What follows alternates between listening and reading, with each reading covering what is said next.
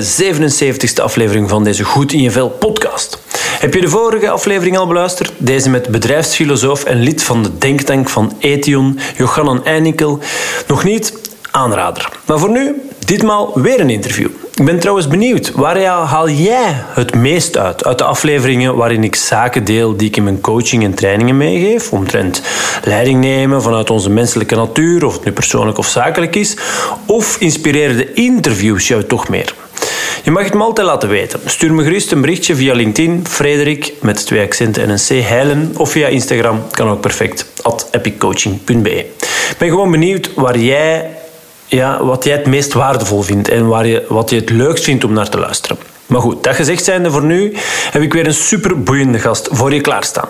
Iemand waarvan zijn moeder op tienjarige leeftijd zei dat hij eigenlijk een ongeluk was en hij er eigenlijk nooit had mogen en moeten zijn.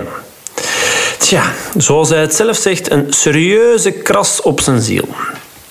Echt een prototype voorbeeld van hoe iemand echt geraakt kan worden in zijn of haar waardigheid. En vermits ik mezelf ook lang minder waardig heb gevoeld en subjectieve waardigheid nu eenmaal de basis vormt voor mijn vak vitaliteit, triggerde me dit wel enorm. Anyway, de gast in deze aflevering haalde daar wel heel veel motivatie uit. Hij zou zich bewijzen dat hij het wel waard was er te zijn en het te kunnen. Eigenlijk is mijn gast al op pensioen en geeft hij lezingen over leiderschap, cultuur en HR voor zijn plezier. Ooit was hij nog officier bij het leger, maar afzwaaien deed hij als HR-directeur bij Dela. We hebben het onder andere over meer feedback durven vragen als leidinggevende. Een one-size-fits-all aanpak dat dat niet werkt. Dat je ook gewoon moet kunnen toegeven dat je het zelf al heel vaak verkeerd hebt gedaan. Ehm, dat geluk dom is, etc. Tal van boeiende thema's komen aan bod. Dus ik zou zeggen, gun jezelf een moment en laat je inspireren door het verhaal en de expertise van Ludo Verstraten. Ludo, allereerst een dikke merci om uh, wat tijd voor mij vrij te maken. Mijn klassieke openingsvraag Stel, jij ligt op je sterfbed. Hopelijk mag je dat moment nog, nog lang wegblijven. Hè? Maar stel, het dient zich aan. Welke dingen wil jij je dan vooral kunnen herinneren op dat moment? Ja, die vraag deed me denken aan, eh, je kent dat misschien, ik ben haar naam vergeten. Dat was een verpleegster die in, de, in, de, in, een, in een sector werkte waar mensen terminaal waren en waar ze een boek over geschreven heeft. Mm En waar mensen eigenlijk ja. Ja, uh, beklaagden dat ze een aantal dingen niet hadden gedaan. Dus dat wil ik niet hebben als ik op mijn sterfbed lig. En ik heb ook geleerd om gelukkig te zijn met de dingen die je hebt en niet altijd te kijken naar zaken die je misschien ook wel leuk vindt, maar je moet keuzes maken in het leven. En als ik op mijn sterfbed straks zal liggen, uh, zal voor mij heel belangrijk zijn, hè, stel dat mijn vrouw nog leeft, dat mijn vrouw op een comfortabele manier kan verder leven, want mijn vrouw heeft een relatief zwaar medisch dossier. En dat mijn twee zonen, die fantastisch bezig zijn, dat die ook ondertussen, zowel op privé als op professioneel vlak, hun weg verder plaveien. Mhm. Voor mij is dat eigenlijk eh, het belangrijkste. Uh, dat ik uh, weet, oké, dat, dat, is oké, dat is in orde. Ik kan hier met een goed gevoel weggaan. Die kunnen een plan trekken en hup. Voor mij is dat een hele belangrijke. Ja, oké. En inderdaad... Um ik, ik hoor je een paar dingen zeggen waar ik zo dadelijk uh, graag verder op inga. Ik zou er nu al... Ik, eh, moet mijn eigen inhoud al niet direct op, op, op te springen. Um, maar uh, dus, dus zo dadelijk ga ik er graag wat verder op in. Um, dat zijn dingen die jij u wilt kunnen herinneren. Um, hoe wil jij herinnerd worden? Als, als jij er dan niet meer bent en de mensen, ja, ongetwijfeld jouw vrouw als ze er nog is, jouw, jouw twee zonen, ehm, maar anderen ook, hè, als, als ze dan, ja, goed, hoe zou jij willen dat mensen dan naar jou kijken, hoe dat zij jou herinneren? Ik zou absoluut al willen, ten eerste, dat men mij herinnert. Hè, dat is al de eerste vraag, hè, want uh, ik ben een beetje ijdel. Hè, ik ben mhm. leeuw van horoscoop. Ik geloof niet in horoscopen, maar blijkbaar als je dan leest, de leeuw is ijdel. En blijkbaar past dat plaatje wel bij mij. Alhoewel, met de leeftijd wordt dat minder en minder relevant. Ja. Uh, ik wil voornamelijk zijn of zorgen dat andere mensen schitteren door mijn toedoen misschien wel, mhm. maar niet meer dat ik zelf altijd moet schitteren. En vroeger was dat wel meer het geval. Maar ik wil toch wel zo hebben, een soort legacy achterlaten, dat men toch wel van toen een keer denkt aan mij. Bijvoorbeeld door mijn boek dat nu in oktober uitkomt. Dat is ook zoiets tastbaars dat zal blijven. Hè. Ik vind dat leuk zo, om dat, om dat ergens achter te laten. Maar vooral wil ik eh, herinnerd worden, zoals mensen mij vandaag eigenlijk al beschrijven, als eigenlijk een zeer enthousiast iemand. Ehm, redelijk authentiek blijkbaar. Ehm, die inderdaad ook graag voor een groep staat te spreken en mensen kan inspireren. Die humor hoog in het vaandel draagt. Een optimist. Hè. Ook al heb ik veel meegemaakt in mijn leven, maar ik heb geleerd om te kijken naar de positieve dingen in het leven. Ja, op die manier, zodat men eigenlijk op een ja, want hè, over de doden niks dan goed, je kent dat wel. Ze mogen mij ook wel zeggen dat ik tijdens een vergadering bijvoorbeeld te veel het woord nam. Of mensen onderbrak. Dat mogen ze ook zeggen, want dat is een valkuil van mij. Dus ik ken mijn valkuilen. Mm Dat mogen ze gerust ook zeggen. Hè, dat, uh, want ik heb ook mijn, uh, mijn aandachtspunten. uh, maar zoals een medewerker van mij ooit, ooit zei... Ludo, je kunt een vis niet leren klimmen in een boom. Dus je moet ook de mensen aanvaarden voor wie ze zijn met hun tekortkomingen, met hun aandachtspunten. En wat we vaak in deze maatschappij te veel willen doen, is blijven hameren op die tekortkomingen in plaats van die pluspunten die iemand al heeft, die sterke punten, dat verder te gaan uitbouwen. Ja. Dus ik wil ook op die manier zo herinnerd worden, want die, die, die, dat denken zoals ik nu dat beschrijf, mhm. dat heb ik ook trachten mee te geven met de mensen met wie je werkte of in een privésituatie. Van kijk mensen, je hebt een aantal talenten, dus focus ook daarop en kijk niet altijd naar die dingen die je misschien wat minder goed kan. Dus eigenlijk als een optimist, iemand die vrolijk naar het leven kijkt, uh, die er graag bij was, humor bij de mensen, bezig zijn met iets, samen dingen ontwikkelen en die geleerd heeft inderdaad om minder ijdel te zijn en minder de pluimen op zijn hoed, maar geleerd heeft ook van, god ja, ik ben heel content als, ik, als iemand anders kan schitteren. Mhm. Misschien deels door mij, maar dat speelt dan ook zelfs geen rol. Nee, nee, nee. Ja je hebt daar een bijdrage toe geleverd, maar eh, geïnspireerd en zij zijn daar mee aan de slag gegaan en daardoor kunnen zij schitteren. En, ja, oké, mooi. Ook weer al heel wat toffe, uh, inspirerende ehm, dingen en een beetje een beschrijving van, van jouw waarden. Hè. Dat, daar gaat het dan toch een stukje over, wat, waar jij belangrijk, hè, wat jij belangrijk vindt ehm, van, jouw, ja, van jouw persoonlijkheid of jouw karakter, hè, hoe dat je het dan... dus mijn volgende vraag hè, is altijd van, ja, goed, hè, we weten nu al een beetje over jou. Hè, uh, je hebt al, al wat, wel wat dingen opgenoemd. Um, maar iets dieper misschien nog en iets ruimer, um, dan kan ik daar ook nog wat verder op inpikken in, in het vervolg van ons interview. Ja, wie is Ludo Verstraten? Ja, wel, uh, je hebt verteld over jouw familie. Hè. Ik, ga, ik ga ook daar starten. Hè, want wie is Ludo Verstraten? Eigenlijk ben ik iemand die er niet mocht geweest zijn. Ik was tien jaar oud. Ik kwam terug van school. Ik kwam binnen in de keuken. Mijn moeder stond mij op te wachten. En die zei mij gewoon... Je zei een ongeluk en je was er beter nooit geweest. Ik geef dat mee niet op medelijden op te wekken, want ik heb dat allemaal kunnen plaatsen. Hè. Ik, ik, leer ook mensen met trauma's leer dat plaatsen, hè, want dat, dat lukt wel. Ja. Maar als je als kind van tien jaar dat hoort, ja, dan kan ik u verzekeren, dat is een litteken voor de rest van uw leven. Dat is een kras op de ziel. Mhm. En veel hangt dan af, hoe ga ik daar nu mee om? Eh, want... Uh, en als je dan vraagt wie is Ludo Verstraeten? Wel, Ludo Verstraeten is iemand die toen op tien jaar leeftijd beslist heeft van... Ho, ik ga nu wel bewijzen, want mijn moeder vond mij waardeloos. Ik kon, ik kon niks goeds doen. Die vond mij gewoon waardeloos. Mhm. Ik ga nu bewijzen op alle vlakken dat ik wel iets kan presteren. En dat, is dan, dat heeft zich geuit in studies, in sport.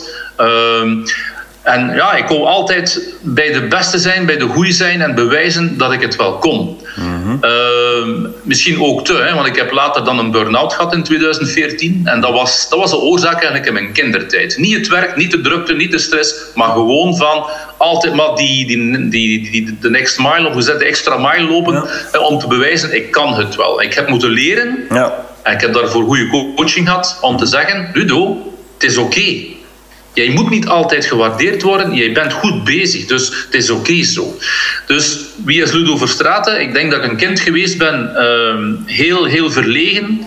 Uh, zeer eenzaam soms in die situatie. Mijn ouders waren ook gescheiden toen ze drie jaar oud waren. Uh, dus ja, een moeder die eigenlijk jou liever uh, kwijt was dan rijk. Dus op die manier opgegroeid. Maar eigenlijk heeft dat wel gemaakt tot de persoon wie ik vandaag ben, dat wat ik allemaal gedaan heb in mijn leven. Dus ik kan het ook wel plaatsen, hè, want uh, dat is niet min geweest. Maar je voelt wel een zekere instabiliteit in die beginperiode. Want ik was, ja, ik ga niet zeggen dat ik labiel was, hè. ik was zeker niet labiel.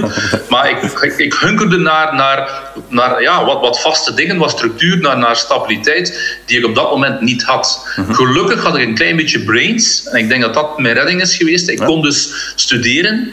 Ik deed dat niet slecht. Ik was niet een uitmuntende student, maar ik deed dat zeker niet slecht. En ik heb mijn carrière kunnen uitbouwen. Dus ik ben begonnen als officier in het leger. Uh, dat was echt, ik kan niet zeggen dat het roeping was, maar ik wilde dat echt wel doen. Mhm. En daar heb ik dus geleerd om, uh, ja, is mijn persoonlijkheid ook een stuk anders gevormd. Ja. Uh, heb ik leren verantwoordelijkheid dragen, leren leiding geven, toch wel in kritieke situaties dingen moeten doen. Ja. en dan ben ik overgegaan naar het burger, waar ik eigenlijk gewoon mijn carrière verder heb uitgebouwd en mij eigenlijk altijd heb kunnen verbeteren. naar verantwoordelijkheid toe, naar leiderschap toe ja, ik durf zeggen dat ik wel een goede leidinggevende ben geworden. Ik ben 36 jaar leidinggevende geweest. Maar wees gerust, het is enkel de laatste zes jaar van die 36 jaar dat ik begon te snappen hoe goed leiderschap in elkaar zit. Ik ga ervoor niet zeggen dat ik daarvoor geen goede leidinggevende was. Hè, maar leiderschap is zo moeilijk vandaag, zo complex, uh mhm. -huh. dat ik nu wel begin te beseffen uh, hoe moeilijk het kan zijn in deze maatschappij. En dat is ook de reden dat ik daar vandaag mee bezig ben. Ja. En misschien moet ik mijn moeder zelfs dankbaar zijn. Zij zal misschien de oorzaak geweest zijn dat ik inderdaad een boek schrijf over waardering werkt. Hè, het belang van waardering, ja. dan vooral op de werkvloer. Want dat heb ik nooit gekend van haar. Maar ik weet wel hoe belangrijk het is. Want als je het niet hebt heb ik ervaren wat dat betekent. En ik heb in mijn carrière ook kunnen ervaren, als je wel mensen op een authentieke manier waardeert, wat dat met die mensen doet. Ja, ja, ja. Ja, ja mooi. Inspe Allee, mooi. Goh, het, is, het, is, het is een verhaal dat... dat, dat, dat het wel, ja. mooi, ja. Dat is misschien niet juist. Maar het is, ja, goh, jawel. Het is wel mooi om te zien dat, dat je vanuit... Um, want het is eigenlijk echt... Want jij noemt het waardering en ik... ik ik werk eigenlijk vanuit waardigheid. En, en eigenlijk is toen de, het zaadje van jezelf minder waardig te voelen ja. Ja. Eh, geplant daar. Hè. Dat is echt wel... Um, dus het is wel heel mooi, wel echt effectief, om te zien dat je toen zoiets meemaakt dat je effectief door je, de belangrijkste persoon op dat moment in je leven, namelijk je moeder, ja, dat je daar echt wel ja, een slag krijgt en dat je echt wel iets, iets allee, dat je echt ja, je bent het niet waard hè, om te leven ja. eigenlijk. Je bent minderwaardig. En dat je dan ja. toch gewoon daar die kracht haalt om, om te, te, worden wie dat je nu bent. En dat je, ja, dat je weg hebt gevonden. En dat je, dat je ja, mag ik dat zeggen, succesvol bent geworden. Dat je, bent, ja, dat je toch wel staat waar dat je nu staat. En dat je toch... Uh, je wordt niet zomaar uh, officier in het leger. En je wordt niet nee, zomaar... Uh, maar nogmaals, ja, ik, ik, vraag geen medelijden. Ik heb echt kunnen plaatsen. Ik vertel dit verhaal relatief veel in mijn keynotes ook. Waarom? Omdat ik de link leg naar leiderschap. Ja. Want inderdaad, mijn moeder, dat zal waarschijnlijk een van mijn eerste leidinggevenden geweest zijn. Dus als jij als leidinggevende ja.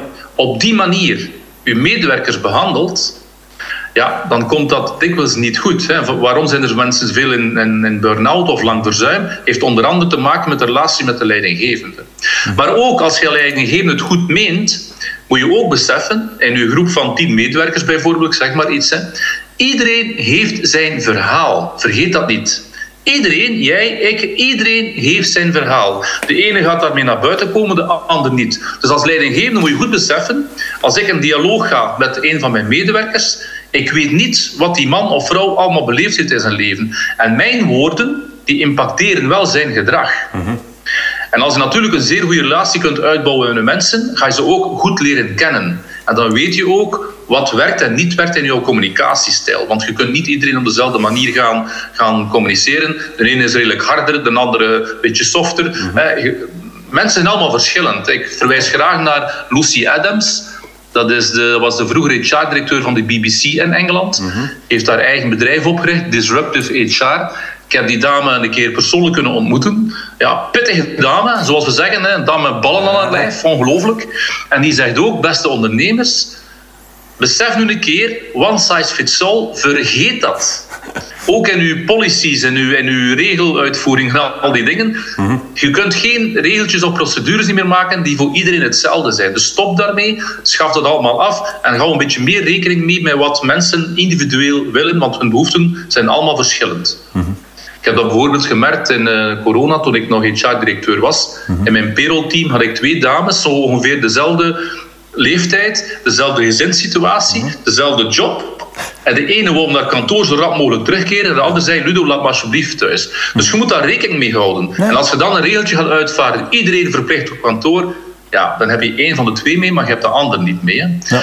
Dat maakt het moeilijk natuurlijk, hè, want het is veel gemakkelijker om als leidinggevende te zeggen of als bedrijf: hup, twee dagen verplicht per week op kantoor. Ik haat het, hè, echt waar. Ja, ja, ja. Ik ga, maar je kunt er anders mee omgaan en dat vergt een stukje meer energie. Maar je engagement van de medewerkers zal wel stijgen. Natuurlijk, ja, ja. Omdat ze... ja, ik heb nog een link gelegd, uh, ja, ja, gehoord maar... als ik begin, dan ben ik vertrokken. Ja, ja dat is zalig, dat is zalig. Ja, ja, maar nee, nee, maar dat is mooi om te zien. Ik zie, nee. Um, maar nee, goed, het, het gegeven dat de werknemer gehoord wordt en um, ja, gezien wordt voor wie dat hij of zij is. En, en ja, het feit dat zij andere behoeften heeft en dingen belangrijk vindt dan de collega, daar zit wel de kracht. Hè? Want, want inderdaad, iedereen over dezelfde kam scheren, hè? De, de one size fits all wat je, wat je zegt, ja, dat, dat, daar ben ik het ook wel over eens. Dat, dat dat niet werkt, net omdat iedere mens anders is. Hè? Ik bedoel, en zijn, zijn eigen verhaal heeft en, en situatie. En, uh, ik, zeg, ik zeg eigenlijk altijd, dat is, eh, tegen mijn cliënten zeg ik dat ook altijd vaak van, kijk,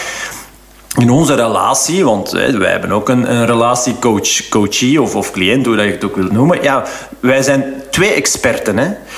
Ik ben de expert op de duurzame gedragsverandering, laat ons zeggen. Maar jij bent ook expert over jouw leven, jouw verleden, jouw agenda, jouw emoties, jouw gevoel. Allee, weet je wel, dat, tuurlijk, dat, dat is gewoon zo. En dat is wel super waardevol en ook een heel belangrijk gegeven in het gegeven coaching, waar dan zo'n zweemde de laatste, oh ja, de laatste jaren, want iedereen vaak noemt zich coach, weet je wel. Maar ja. juist ja. als coach de juiste vragen stellen, waardoor dat... Want coaching is juist uitgaan van de expertise van, uw, van de, de, de, andere partij, van, van uw cliënt, van uw coachie. Want alles zit in hem of haar. En het moet er juist gewoon door de juiste vragen te stellen eruit komen. Weet je wel? Dat, dat is dan coaching. Maar, um, dus ik vind dat wel mooi dat jij ook aangeeft, ook inderdaad in een team. Ja, iedereen is verschillend en je kunt er niet gewoon van uitgaan van, ah ja, die aanpakken, die gaan we er nu eens op plakken en dan zal iedereen tevreden zijn. Ja, nee, dat... Um... Wat, wel, wat wel belangrijk is, hè, want je moet ook ergens een lijn trekken. Hè. Ja, ja, ja.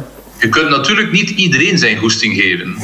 En dan is het gewoon een kwestie van dialoog en communicatie. Van kijk, ik heb nu alles gehoord, ik weet wat, wat de wensen zijn van iedereen. Ja. Nu gaan we kijken naar een oplossing die voor iedereen behapbaar is, voor iedereen ja. aanvaardbaar is. Maar je moet ook begrijpen dat ik niet per individu nee, nee, 100% altijd kan, kan volgen. Maar als je dat in een dialoog op een goede manier het verhaal brengt en hen daar ook in betrekt, dan snappen ze dat ook wel. Ja. Maar dat is een totaal iets anders dan zeggen. En nu vanaf morgen iedereen twee dagen per week verplicht op kantoor. Dat zijn dingen, dat, dat gebeurt heel vaak. Moeten en dan controle, ik haat het, echt waar. Maar dan moet je als leidinggevende wel sterk in je schoenen staan om het op een andere manier te gaan doen. En toch durven ook directief zijn op het moment dat het moet. Hè? Want je, je bent tenslotte nog altijd leidinggevende. Hè? Ja, ja. En soms moet je toch een keer durven zeggen, oké, okay, maar nu gaan we het zo wel doen. Ja, ja, een knoop doorhakken en effectief uh, voilà. ja, beslissingen nemen. Hè? Want goed, um, nou ja, nee. Um, oké. Okay. Um, ik ga er graag nog, nog, uh, nog wel even op, op verder, maar...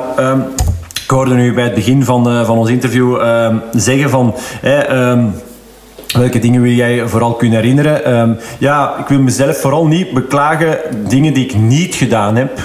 Um, maar ja. mij vooral focussen op de dingen die ik wel gedaan heb. Dat, dat vind ik wel een hele, hele mooie. Ja, ik heb, kijk, ik, um, er zijn een aantal dingen in mijn leven die ik super graag zou willen doen.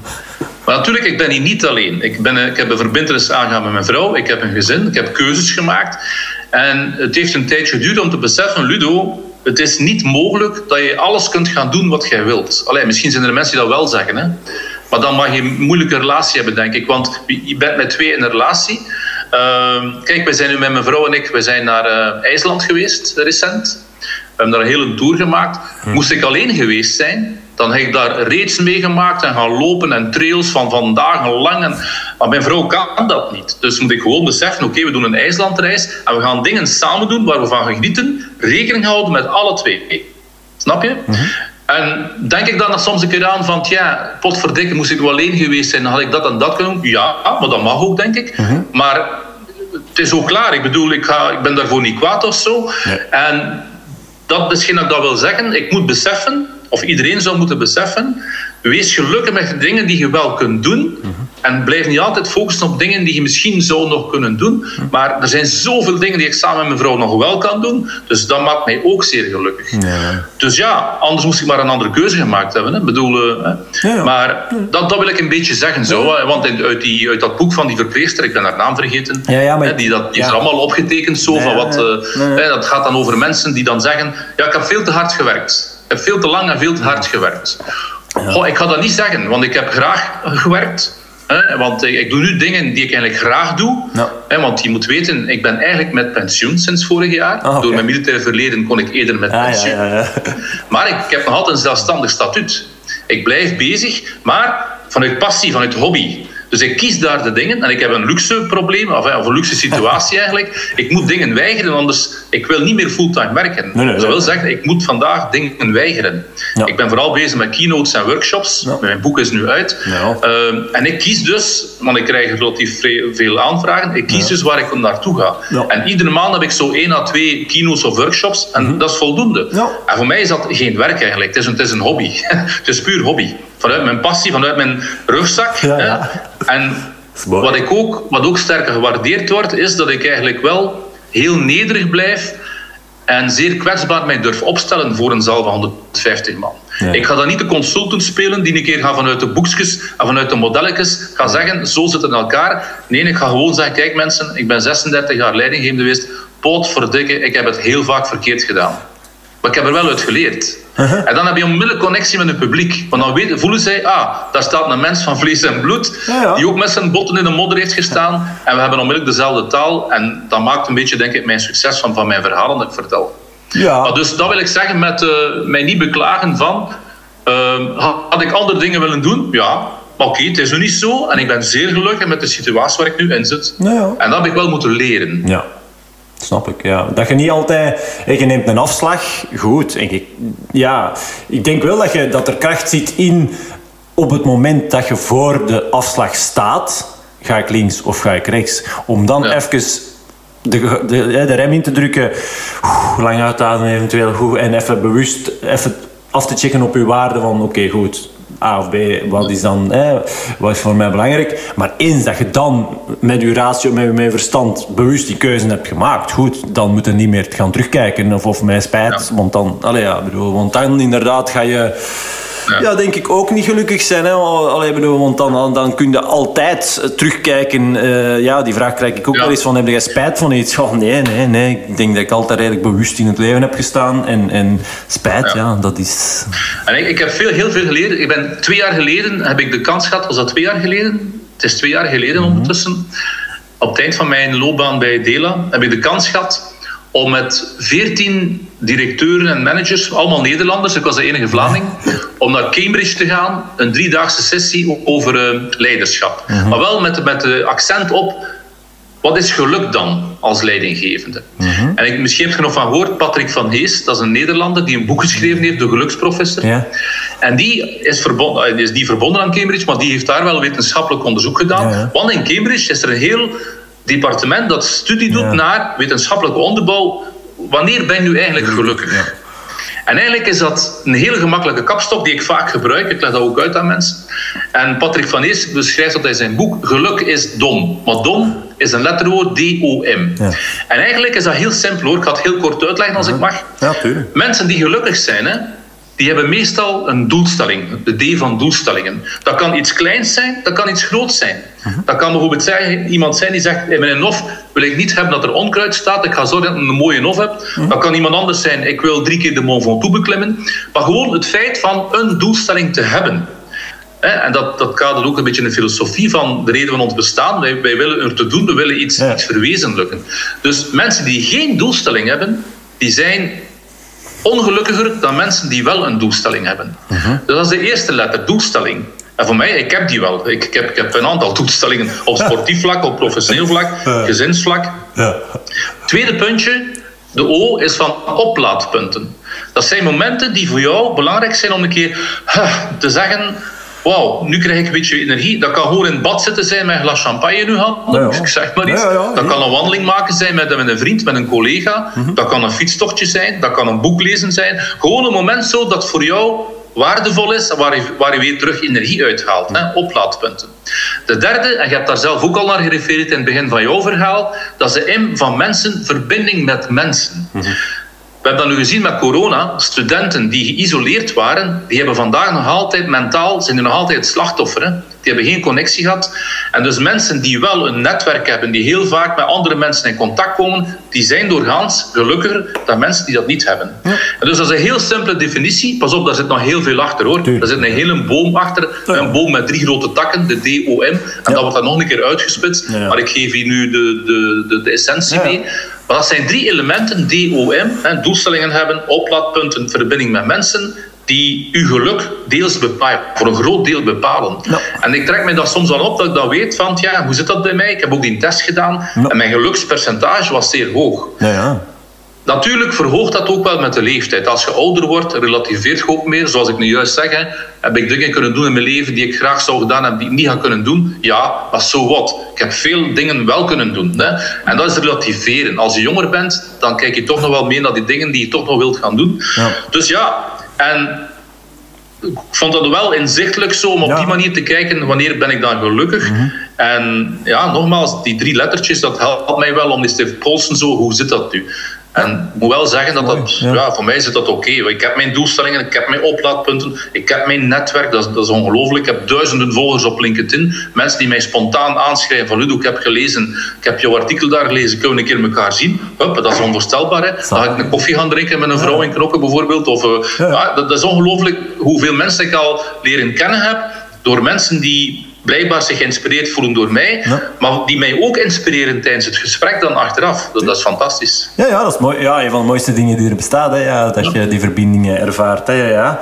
En als ik dan hè, drie lettertjes, ik, automatisch kom ik dan bij ABC en, en de zelfdeterminatietheorie, Ja. ehm, wat dan ook drie lettertjes, ZDT, maar dan nee, nee, de ABC, hè, de autonomie, binding en competentie.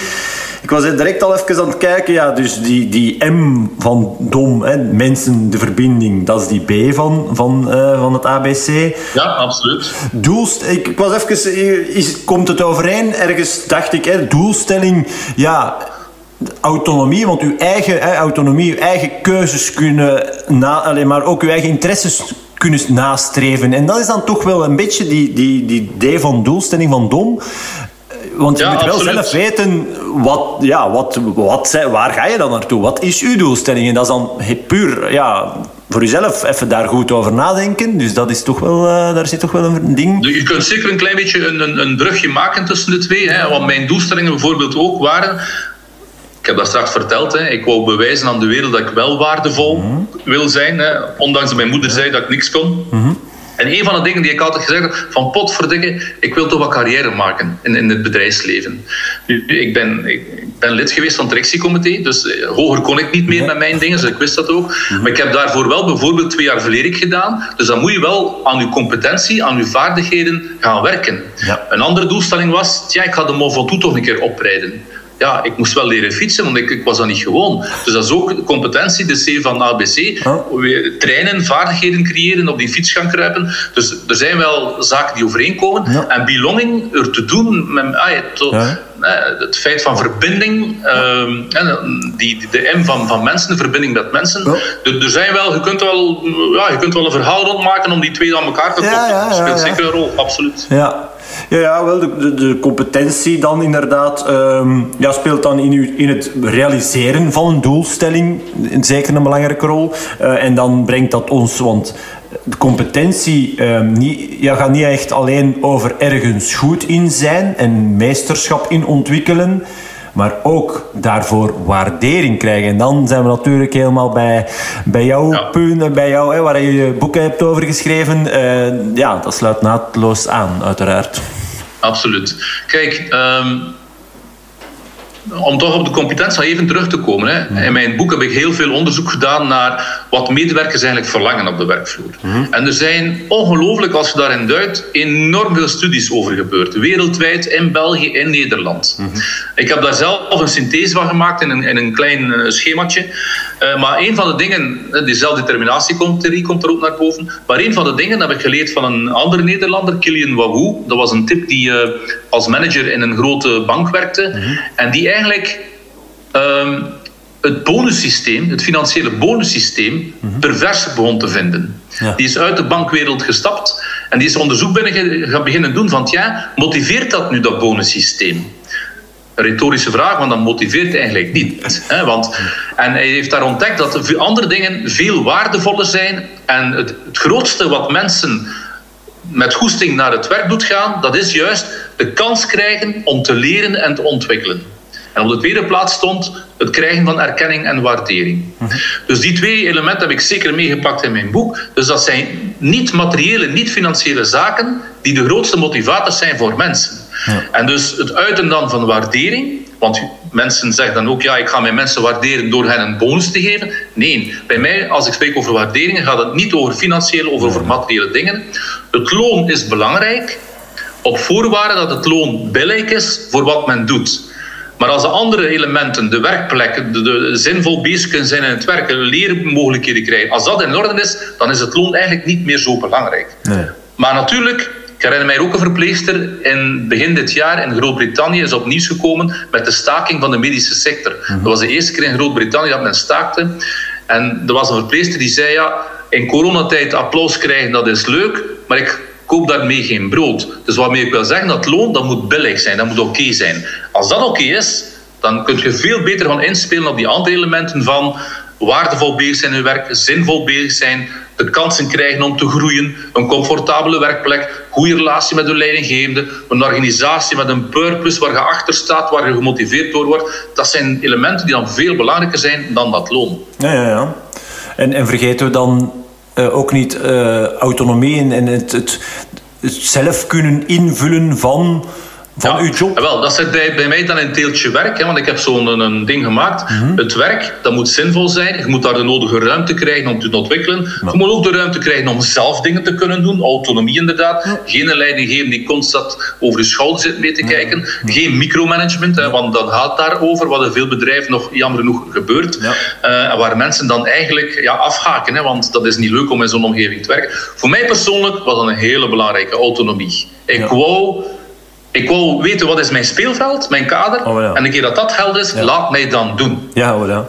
ja. Ik denk dat dat niet alleen voor u belangrijk is, dat dat eigenlijk in principe voor iedereen belangrijk is, hè, toch? Uh, juist, dat is juist ook een stuk van die zelfdeterminatietheorie. Voor de, de luisteraar die niet weet wat de zelfdeterminatietheorie is, de best onderzochte uh, theorie om, omtrent de menselijke motivatie. Um, dus autonomie en juist je eigen keuzes kunnen, maar ook in, een, in de invulling van je job, ja, motiveert gewoon. En, uh, Absoluut. Ja. Nee, nee, boeiend. Uh, Oké, en, en wat ik er straks... Ik vond, uh, je zei van, ik geloof niet per se in, in sterrenbeelden en ik ben een leeuw. En die ijdelheid uh, kan daar wel aan gekoppeld worden. Um, en daar herken jij jezelf zeker wel in. Maar het is ook minder relevant geworden met het ouder worden.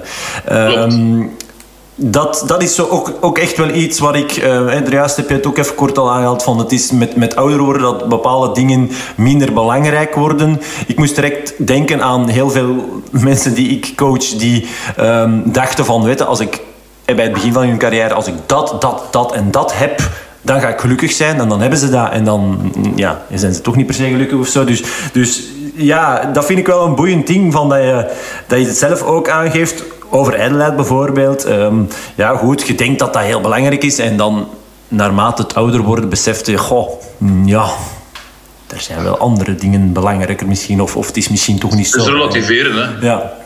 Dus dat vind ik wel, wel boeiend dat je daar. Uh, dat je dat aangeeft gewoon. Dat je dat, dat je, um, en dat is natuurlijk gewoon, ja, is dat dan puur de, kilom, de, de, de kilometers die je op je teller hebt en, en gewoon de, erva de levenservaring, ja.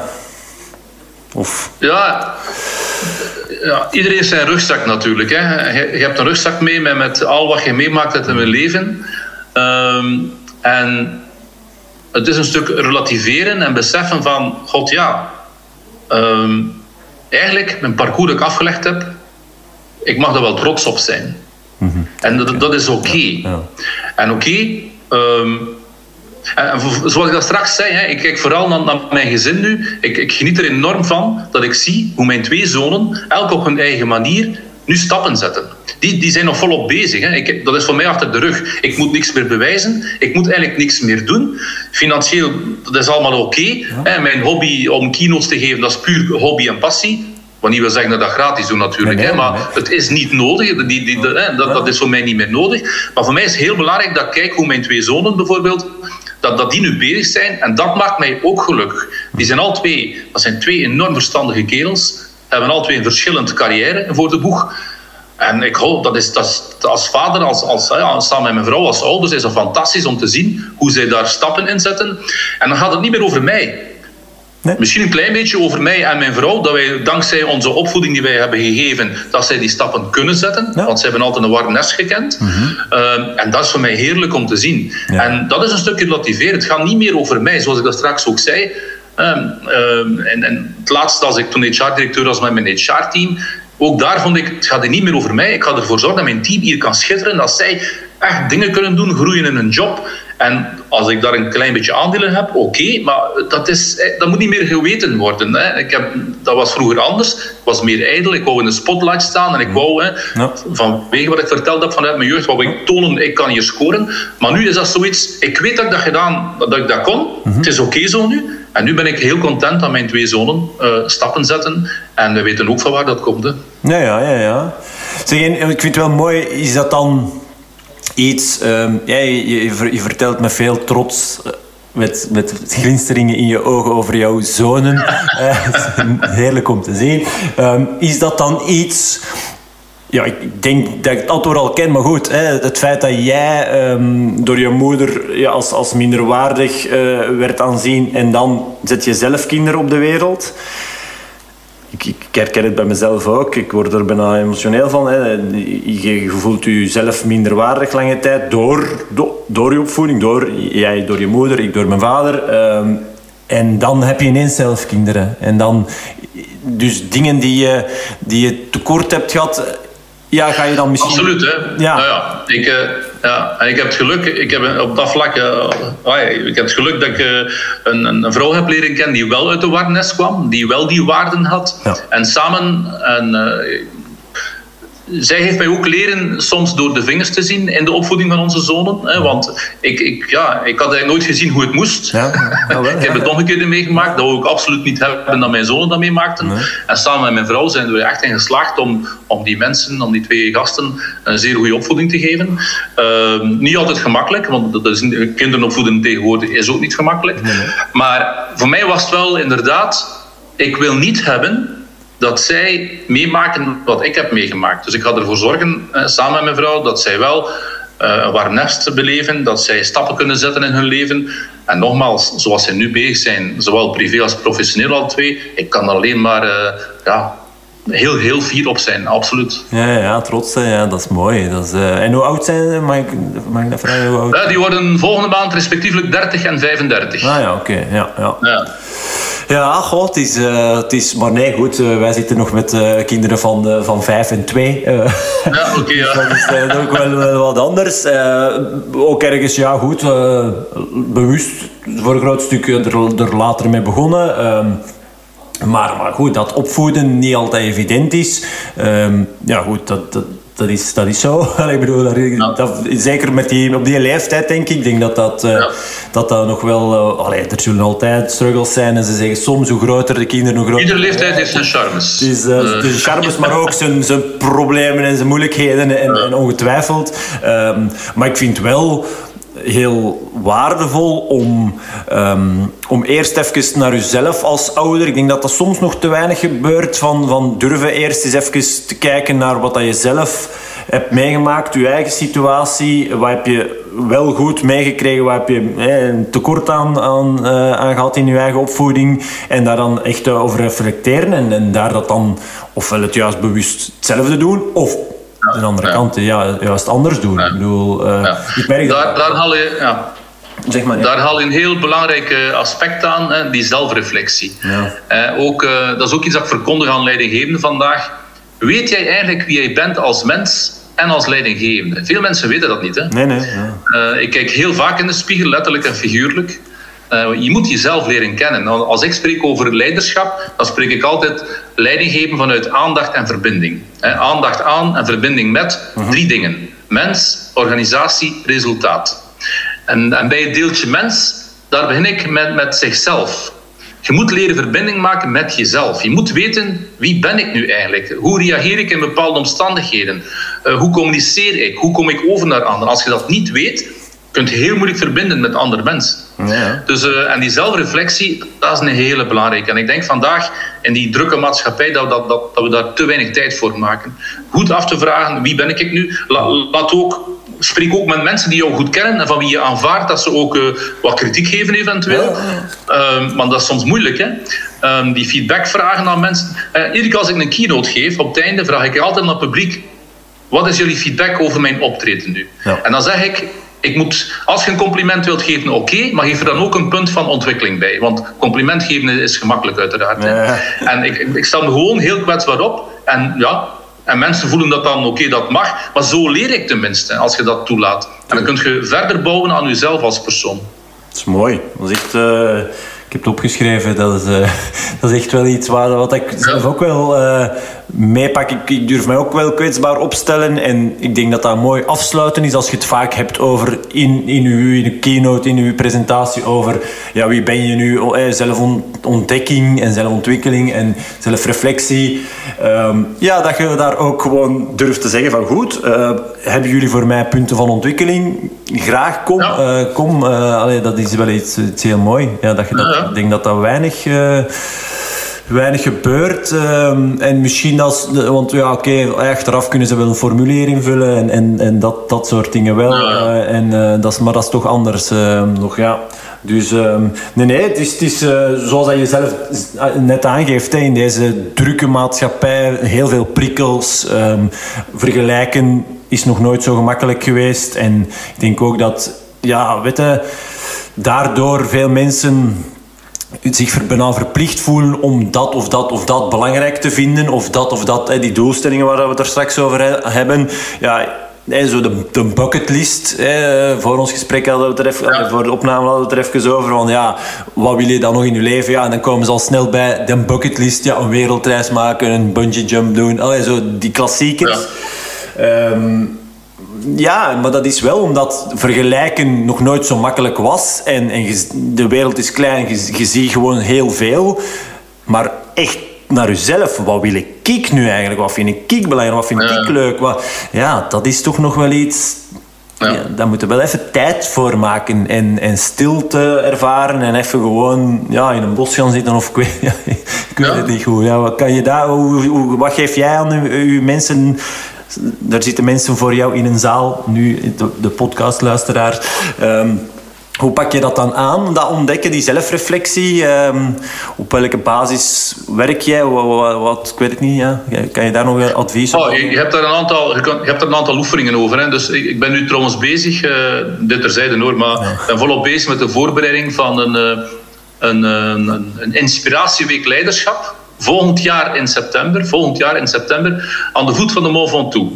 Dus ik ga tien leidinggevenden meepakken en we gaan ook fietsen, hè, maar dus ook eh, workshops over leiderschap. En een van de delen zal dat zijn, en dat zal het eerste deel zijn, die zelfreflectie. Dus ik ben aan het kijken welke soort oefeningen kan ik allemaal gaan doen. Ehm, eh, wat, wat zeer goed werkt, heb ik ook in Cambridge gedaan, is bijvoorbeeld per twee een wandeling laten maken met een aantal vragen die ze aan elkaar moeten stellen, zodat ze inderdaad uitgenodigd worden om te reflecteren over zichzelf. Dat is iets dat altijd goed werkt. Ehm, eh, je hebt een aantal tools waar je met oefeningen en ook in een, in een, in een ruimte ehm, dat, dat soort dingen kunt gaan doen. Maar bij mannen is dat niet altijd evident. Hè? Want vaak begin ik ook zo te vragen, voordat ik aan die oefening begin, geef u eens van buikgevoel zo een score van 0 tot 10. Hoe ben je vandaag als leidinggevende? En die mannen die geven zich vaak 8, 8,5 op 10.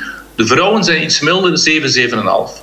Als je dan kijkt wat hun medewerkers zouden zeggen, en dat is een studie gebeurd op Belgisch niveau, Ja. dan geven de medewerkers 5, 5,5 op 10.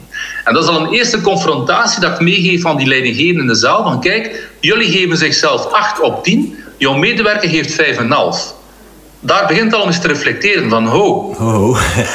blijkbaar de manier waarop ik denk dat ik leiding aan het geven ben, ik vind die zeer goed blijkbaar, maar mijn medewerker blijkbaar vindt dat niet zo goed. Dus daar begint het als een reflectiemoment van waar, waar komt dat dan? En dan geef ik ook wel, maar dat is dan meer structureel in organisaties, oefeningen mee, waarmee je met je team daarover kunt gaan praten. Ja. Natuurlijk moet er wel er moet er veiligheid zijn, moet er vertrouwen zijn. Ik heb dat in mijn team wel kunnen realiseren, zodat die mensen zonder angst, zonder schroom mij konden vertellen van Ludo, dat en dat is oké bij u, maar dat en dat is wat minder. Ja, ja. En dat, is, dat helpt u zelfreflectie. Ja. Niet simpel, hè. je kunt dat niet van de eerste keer doen, want veel, en vooral mannelijke leidinggevenden, gaan dat niet graag doen, die oefening. Nee. Zeker de mensen die zich 8,5 op 10 geven. Die denken dan, ik ben goed bezig. En dat is altijd een eerste confrontatie, als ik dan die oefening doe van, hè, is dat zo? Ik zeg, ja, dat is zo. Ja, ja, ja. En dat is al een eerste zaak. Men, men, en goed, een, wat ik dan meegeef als tip, vraag meer feedback aan uw medewerkers. Ja. Creëer dat vertrouwen, die veiligheid, maar vraag ook meer feedback. Je moet niet altijd eh, feedback geven, maar vraag ook naar feedback. Want medewerkers durven niet altijd feedback geven aan een leidinggevende. Als jij als leidinggevende een goede relatie uitbouwt op basis van vertrouwen en veiligheid, en dan vraagt aan een medewerker: Tja, ik heb nu die meeting hier geleid. Geef mij eens feedback over de manier waarop ik die meeting heb geleid. Ja. En als dan die situatie, de relatie gezond is, Ja. ja. dan krijg je wel wat binnen hoor Ja, ja. dan krijg je echt wel binnen. Dat is een van de dingen die mijn mensen in mijn team, in mijn HR-team van Dela vertelden. Van Ludo, jij hebt graag het woord. Ehm, jij luistert wel, maar je hoort niet. Ehm, hè, want het is tenen oor in, tenen oor aan. Dat zijn allemaal zaken die ik gehoord heb en die mij geholpen hebben om daaraan te werken. En dat is zelfreflectie. Hè. Durven die vraag stellen aan uw mensen of aan andere mensen die je... Je kunt misschien beginnen met mensen die je zeer goed kent, hè, vrouw. waar het vertrouwen al is. Tuurlijk. Ook dat kunt je doen. Want ja, blijkbaar ehm, dacht ik dat ik een goede leidinggevende was. Maar ik hoor nu dat mijn mensen mij maar 5 op 10 geven. Kunt jij eens vertellen aan mij, wat, wat, waar, waar zou ik kunnen aan werken? Ja, ja, ja. Ja, je moet dat durven doen. En zeker met mensen die je al goed kent, waar vertrouwen is, is dat gemakkelijker. Maar probeer dat zoveel mogelijk te doen. Ja, ja. En dat zijn dat soort oefeningen die ik ga doen eh, per twee en zo in, in, in, in, die sessie. Zodat mensen meer inzicht gaan krijgen van, ah oké. En dat verrijkt dan wel. Ja. Het is dan wel aan jou om dat iets te gaan doen met die inzichten. Hè. Dus dan kun je een A4'tje hebben met allemaal inzichten. Maar dan moet je er wel voor openstaan om daar iets mee te doen. Mhm. Dan help ik die mensen ook wel op weg hoor. Want eh, eh, dan, haal je dikwijls zo een paar dingen eruit die vaak voorkomen. En dan moet je ook wel focus leggen. Je moet, je moet niet alles willen gaan veranderen. Hè. Zoals ik daar zei, je moet een vis niet leren klimmen in een boom. Hè. Maar je kunt wel een aantal dingetjes uithalen. Bijvoorbeeld communicatiestijl. Als dat een paar keer naar pot komt als leidinggevende, dat je beseft, ah, blijkbaar, mijn stijl van communiceren zit niet bij iedereen goed, waardoor mijn boodschap ook niet aankomt. Dus ik moet daar wel een keer iets mee gaan doen. Dat, dat soort dingen probeer ik dan eruit te halen. Ja, ja, ja. Ja, ja en zo dat, eh, dan niet alleen... Ik denk dat daar dan niet alleen focussen op ehm, uw werkpunten, waar er zeker zeer veel waarde in zit, zeker en vast. Ehm, maar ook focussen op uw, op uw talenten en op uw sterke Absoluut. eigenschappen. Hè, Absoluut, ja, Eh, zeker. Die nog meer gaan inzetten. Hè. Dat gaf jij er straks al aan, denk ik, bij het begin. Ja. Van niet alleen... Ja, ook zien wat dat je wel goed kunt. En, en daar eh, hè, ook een beetje Ja. in de trend van zien wat dat je wel hebt en wel hebt kunnen doen. En niet alleen focussen op wat dat je niet hebt kunnen doen. Dat, dat is Nee, dat klopt. dezelfde trend. En eigenlijk is het zo, je moet als leidinggevende ergens een Olympisch minimum behalen om goed als leidinggevende te functioneren. Dat wil dus niet zeggen dat je op alles moet excelleren. Je kunt op een aantal punten excelleren omdat het uw talent is, maar zorg er wel voor, die minpunten, dat je die gewoon, of je ontwikkelingspunten, ik ga het zo uitdrukken, dat je die gewoon op dat niveau brengt van dat Olympische minimum. We verwachten daar geen 8 of 9 op 10, we verwachten wel een 6 op 10. En als die vandaag op 4 staat, dan is dat uw focuspunt. Bijvoorbeeld communicatie, ja, dat is wel noodzakelijk in goed leiderschap. Hè. ja. Moet je daarin excelleren en een, een, een, een, goede prater worden? Nee. Maar je moet er wel in slagen om je boodschap op een goede manier bij je mensen te krijgen. Daar gaat het over. Ja. ja, dat is wel mooi, vind ik inderdaad. Dat je op allee, de meeste dingen ja, een zeker minimum hebt. Dat je, hè, en, maar dat je op een paar dingen ehm, ja, gaat excelleren. Hè. Dat is effectief... ehm, ja, in de één op één coaching heb ik dat ook soms. Ik, ik ver- verbaas mij er soms over. Dat ik, dan, ik heb dan een lijst met, met eh, sterke eigenschappen. En dan ja, vraag ik in eerste instantie van kijk nu eens voor jezelf naar die lijst. Hè, waar, waar ben jij goed in? Dat is al vaak niet evident. Ehm, maar dan ga nu eens met, hij trekt er een foto aan of ik stuur hem u door en ga nu eens met, aan uw beste vriend, aan uw partner eventueel, ah ja, aan bepaal, ah, drie mensen die u echt goed kennen, ook eens. Welke eigenschappen zou, eh, dicht jij mij toe? Ehm, ja, en dan ontstaan er vaak gewoon heel mooie dingen, want dan, dan komen ze terug en dan, ja, mijn partner vond mij moedig, terwijl ik voel mezelf eigenlijk totaal niet moedig. Allee, Ja. En dan, dan komt, ja, zet ook een, een mooi denkproces en, en, en op termijn ook handelingsproces in, in, in gang. Hè. Dus ja. dat is wel mooi. Hè. Ja. Oké. Een andere oefening, sorry, sorry ik Ja, denk er juist aan, een andere oefening, omdat je daar straks over dat sterfbed bezig was, er valt nu juist in. Een andere oefening die ik ook vaak doe, ja, ik, kwam, ik heb gewerkt bij Dela 12 jaar, dat was de, de uitvaartsector. Ja, ja, ja. Ehm, en dat is, dat is een oefening, en ik denk zelfs dat Peter Drucker dat ook in zijn boek beschreven heeft, in, in zijn zeven, eh, wat is daar, van leiderschap. Ehm, maar ik had ook gelezen in een ander boek, trouwens van Patrick van Hees. Stel, je wordt uitgenodigd voor een uitvaart. Je gaat daar naartoe, je gaat naar de kerk of naar de aula, speelt nu geen rol waar het is. En je ziet mensen die je wel kent. Je ziet familie van jou, je ziet collega's van jou, je ziet trouwens mensen van, van de sportclub waar jij in gezeten hebt, die zie je daar allemaal. Maar die zien jou blijkbaar niet. Dus je gaat mee naar binnen en je vindt het wel een beetje een rare sfeer, omdat ja, je kent daar iedereen zo, maar je weet niet wie er begraven wordt. En je bent uitgenodigd voor een uitvaart. Dan ga je de overleden gaan groeten en dan zie je dat jij daar ligt. Hè? En dan is de vraag van, want je weet, in zo'n kerk, in zo'n aula, mensen babbelen dan hè, over, hè, over de, de man of de vrouw die gestorven is. En dat was zo in, dat was zo in. En men gaat ook dingen gaan voorlezen. En uw collega gaat iets voorlezen, of uw leidinggevende, uw familie, uw moeder, uw, uw vrouw, uw, weet ik veel, uw zoon gaat iets voorlezen over u. Wat wil je dan hebben dat ze voorlezen? Ja, ja. En dat is al een eerste vraag. Ja. Wat zou je dan willen hebben dat ze voorlezen? Het is een oefening kader van zelfreflectie. ja, ja. Dat is één, hè, dat wordt luidop gezegd wat men voorleest. Hè, en meestal zal het wel allemaal goede dingen zijn. Maar je hoort ook gefluister in de zaal. Godverdomme, ja. Weet je nog, dat, ah, jongens, ja, goh, ja, de. Karel, ja, oké, is nu dood, ja, zo wat, hè, want weet je nog, die keer daar, hè. Ik, Ja, ja, ja. ik ben maar bezig, kan ook positief zijn natuurlijk, hè. Maar wat denk je dan dat mensen zouden fluisteren naar elkaar over u? Dat is een, dat is een andere insteek, hè, want dat gefluister is niet altijd positief. Nee, nee. Wel. Ja, en dat, dat is ook zo'n oefening om, om aan zelfreflectie Ja. te doen. En ik denk er nu juist aan, Ja, ik heb dat al één keer gedaan. Ehm, en dan dat iemand over dat sterfbad bezig was. Dat is ook zo'n oefening van, wat zou je dan graag willen hebben dat ze fluisteren? En wat zou je niet graag hebben dat ze fluisteren? Want je kent zelf een klein beetje wel. En dan la- laat dat je nadenken van, ja, potverdikke. Het zou best wel kunnen zijn, als mijn een buurman daar zit, dat hij wel een keer gaat spreken Ja. over dat, die situatie van zoveel jaar geleden, waar ik eigenlijk wel de eikel heb uitgehangen. Ik zeg maar iets. hè, Ja, maar ja, ja, ja, en nee, nee. dat helpt om te reflecteren. Ja, het is, het is mooi dat je het zegt, want in mijn boek heb ik ehm, dat, die, die, die oefening, ehm, maar dan niet per...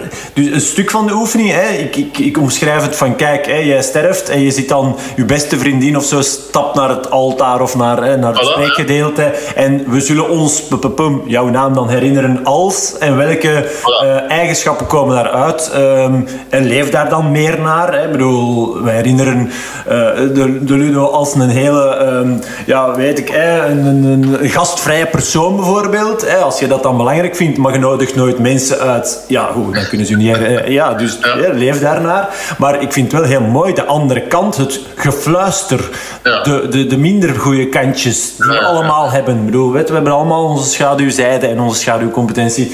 Dat daar, ehm, ja, dat vind ik wel een mooie aanvulling. Ja, dat vind ik echt wel, ehm, ja. heel mooi. eh, Oké, oké.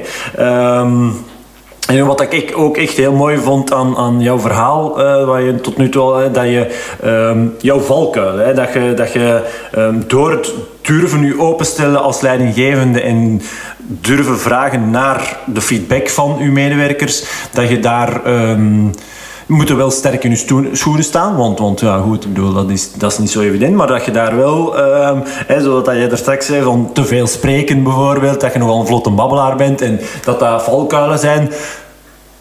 daar dan ook wel, denk ik, dat is nu even een, een ding dat in mijn hoofd komt, ook wel, het is ook gewoon wel een kwaliteit van u, hè, weet je wel? Dus, dus Absoluut. Hè, dat, dat heeft al, er is altijd een keerzijde dan met dat. Je bedoel, dat is toch eh, een ding. Maar ik vind het wel mooi dat je, daar, dat, je dat benoemt. Dat is misschien nog wel iets wat te weinig gebeurt algemeen in het leven dat mensen... Uh, weet je wat sterk is? Hè? Ik, ik, ga, ik ga dat nooit vergeten. Mijn laatste one-op-one gesprek met een van mijn medewerkers, met Birgit trouwens. Mm Ze weet dat, ik heb daarover verteld. Dat was dan vorig jaar in juni, denk ik, in Park Noord in Antwerpen. Hè. We deden een wandeling. Ik doe altijd mijn, mijn one-on-ones al wandelend als het weer goed was. Mooi, ja.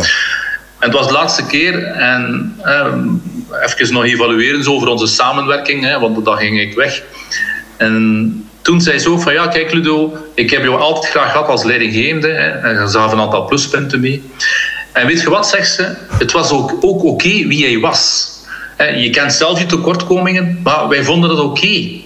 En dat is weer die investe die je moet leren klimmen in een boom. Maar als een medewerker u dat zegt, dat is, ah, ik vond dat fantastisch. Mooi, ja. Van zeg, kijk Ludo, je waart een goede leidinggever met die en die kwaliteiten.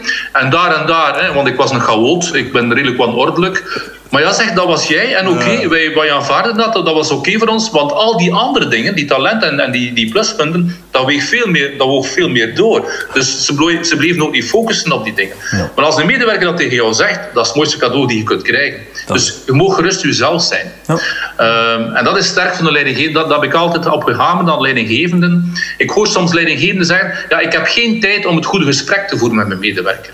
En dan antwoord ik, Jouw kerntaak is juist dat gesprek voeren ja. met een medewerker. En niet al die resten, nee, nee. al die technische zaken of zo, dat loopt wel. Maar uw kerntaak als leidinggevende is bezig zijn met uw mensen vandaag. Ja.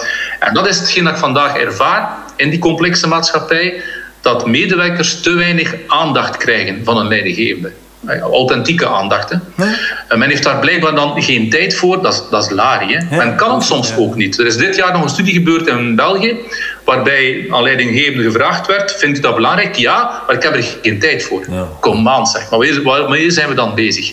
Dat is juist de essentie. Ja. En daar heb ik het dan vaak over. Ja, ja, ja maak tijd. Vandaar mijn, mijn visie op leiding is leiden vanuit aandacht en verbinding met mens, organisatie en ook resultaat. Hè. Pas op, hè, want uh, je moet ook niet gaan uh, betuttelen en pamperen. Hè. We zijn allemaal aan het werk voor een bepaald doel en op tijd van de rit moet onze organisatie wel blauwe cijfers schrijven. Hè? Ja, ja. Dus we hebben daar een, een, verantwoordelijkheid in ook. Dus ook daar ben ik wel scherp. Hè? Die medewerker die moet ook wel iets doen hè, ja, voor, zij, voor hetgeen dat hij krijgt. Dus uh, dat is ook belangrijk. Dat eigenaarschap, die zelfverantwoordelijkheid. Zelfleiderschap bij de medewerker ook, dat is ook nog belangrijk. Dat ze weten, ja, ik ben hier, men verwacht wel iets van mij. En een goede medewerker die beseft dat zelf wel. Ik wil, ik wil absoluut bijdragen tot het realiseren van het grotere geheel. Mm -hmm. Ja, maar als je als leidinggevende loyaal bent aan de groep en gewoon ook aangeeft, kijk, uh, iedere mens heeft zijn kwaliteiten, ook zijn valkuil en dat is perfect oké okay, en niemand is perfect en je moogt fouten maken. Ik ben loyaal aan, ik bedoel, ik laat u niet direct vallen. Ja, dat creëert wel een sfeer van, van, van, ja, van, van vertrouwen en, en het kunnen fouten maken. En, ja, ja, bedoel, ja. Absoluut. Alright. Um, Oké, top. Um, ja, we zijn bijna al een uurtje aan, uh, aan de babbel. dus um, stilletjes aan zullen we maar... Uh, ik heb het gevoel dat we nog, nog wel een tijdje zouden kunnen doorgaan. maar goed, twee babbelaars bij elkaar. Dan, ja, dan gaat de tijd snel. maar Ludo, is er nog iets wat ik jou had moeten vragen... wat ik jou niet gevraagd heb? Of is er nog iets ja, wat jij graag absoluut zou willen meegeven? Oh, ik zou, dan ben ik meer op een structurele manier bezig. Uh, ik ben ook heel veel bezig met strategie in organisaties. -hmm. En die dingen waarover wij nu hebben, ik ga er twee dingen over zeggen. Dat wordt vaak in de categorie soft omschreven. Ik haat het. Ik zou het woordje soft willen schrappen. Want vandaag blijkt juist dat juist die vaardigheden heel moeilijk zijn. Dus uh, soft skills ik, praat, ik wil daar niet meer over praten. Het gaat over menselijke skills, over vaardigheden, weet ik veel wat. Maar als je kijkt hoe leidinggevenden vandaag doen, wij doen het niet goed. Hè? Dus het is zeker niet soft. Het is juist een uitdaging om op een goede manier met mensen bezig te zijn. Mm -hmm. Dus dat is één. En twee, aan organisaties dan, als je beleid doet, dan maak je een beleid, je hebt missie, je hebt visie. Hè. Uh, mm-hmm. En dan, dan, ga je een aantal doelstellingen bepalen. Doelstellingen, een stuk of vijf, zes, meestal te maken met en we willen zoveel gaan verkopen, zoveel omzet, we willen zoveel winnen. Mm-hmm. Zorg bij je doelstellingen dat je iets hebt over mensen en organisatie. Bijvoorbeeld dat je zegt van kijk, en zoals bij Dela trouwens, wat wij gedaan hebben, wij willen in 2025 betrokken, vitale en trotse medewerkers. Dat klinkt misschien weer al een beetje hè, wazig, maar dat wordt natuurlijk helemaal uitgewerkt. En wat is dat dan betrokken? Wat is dat vitaal? Hè, wat is het dan trots zijn? Dat wordt helemaal uitgewerkt in projecten. Maar zorg dat je in de doelstellingen beleidsmatig, algemeen, een doelstelling hebt met betrekking tot mensen en organisaties. En wat daar zeker altijd moet inzetten van uitwerking, dat is leiderschap. Leiderschap moet een continu project zijn of continu strategisch um, plaatsen innemen. Continu. Dat is zo belangrijk, hè, want ik refereer even naar. Um, hoe heet hem? Dave Oerig, hè, misschien kent je hem. Die zegt van kijk, als en dat is zo de, de HR-guru van de wereld. Ik heb die man ook persoonlijk mogen ontmoeten, trouwens, een Amerikaan. En die zegt: Kijk, als je wil hebben dat jouw individu in de organisatie groeit, niet alleen groeit qua competentie, maar ook qua engagement, motivatie, zijn welzijn, dat hij zich gewoon eh, zeer goed in zijn vel voelt als je dat wilt. En je wilt tegelijkertijd dat uw organisatie succesvol is, een zeer goede cultuur, um, groeit als organisatie, winstgevend is, verder kan investeren. Als je die twee dingen wilt doen tegelijkertijd, wat is dan uw kritieke succesfactor? Dat is goed leiderschap. Dus goed leiderschap is kritisch voor de groei van het individu en voor de groei van de organisatie. Vandaar dat ik zo op hamer dat in organisaties op strategisch niveau leiderschap altijd een plaats moet krijgen. Gelinkt aan een van die doelstellingen dan die je in uw beleid omschrijft. Dus dat is een beetje de rationele kant, de harde kant van het verhaal. Hè, maar dat, daar hou ik ook van. Je moet, ergens, je moet wel ergens inbedden. En je kunt wel zeggen, het is leuk, we gaan een keer onze medewerker gelukkig maken en daar volgende week een mand met fruit zetten. Of een keer een yogales doen. Dat zijn allemaal leuke dingen, maar dat moet deel uitmaken van een visie, van een strategie. En dat kan daar eventueel deel van uitmaken. Maar je moet een visie hebben op leiderschap. Wat is een goede leidinggevende in ons bedrijf? Wat betekent dat? En hoe gaan we dat uitschrijven naar waarden toe, naar gedrag toe? Wat betekent dat dan? Mhm. Ik ben nu trouwens bezig met die oefening in het Jan Iperman ziekenhuis in Ieper, waar we heel attractief aan het doen zijn.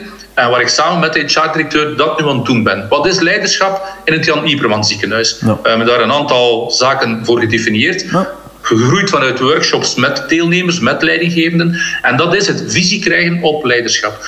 Dus deze wil ik zeker meegeven aan bedrijven. Je moet daarop inzetten. Ik ben niet voor het woordje moeten. Als je dat toch een keer gebruikt, ga ik het nu wel zeggen. Daar moet je op inzetten. ja, ja, dat is mooi. Ja, dat kader creëren, uh, dat, dat daar. Ja. Alright, oké, super. Uh, waar vinden mensen jou terug? Waar volgen ze jou? Op LinkedIn heb je er straks al aangegeven. Vooral LinkedIn. Ja. als je mij intikt op LinkedIn, ik heb daar duizenden volgers. Ik krijg, zeg het, dat is heel leuk. Ik krijg reacties van mensen die ik totaal niet ken, die iets gelezen hebben van mij en hup. Of ik word uitgenodigd voor een keynote van mensen die ik totaal niet ken. Ik heb er zo'n aantal staan in het najaar dat is mijn M van dom. Hè. Mensen, verbinding met mensen, het is vooral LinkedIn. Ik heb geen eigen website, dat ga ik niet meer doen. Ik heb dat niet, niet nodig eigenlijk. Ik zit in een beetje in een luxe situatie. Ehm, Mooi. Dat is leuk voor mij. En LinkedIn is voor mij mijn... Uh, verbindingsplatform en een connectieplatform. Ja. Oké, top. Ah, wel, uh, het was zeer boeiend, uh, Ludo. Dank u wel voor, uh, voor jouw tijd en voor jouw, uh, ja, voor jouw inspirerende ja, verhaal en, en kennis en expertise en het delen van alles. ja, het was, het was leuk. Fijn, met veel plezier gedaan. Dank u wel. Ziezo, aflevering 77 heb je ook weer al gehad.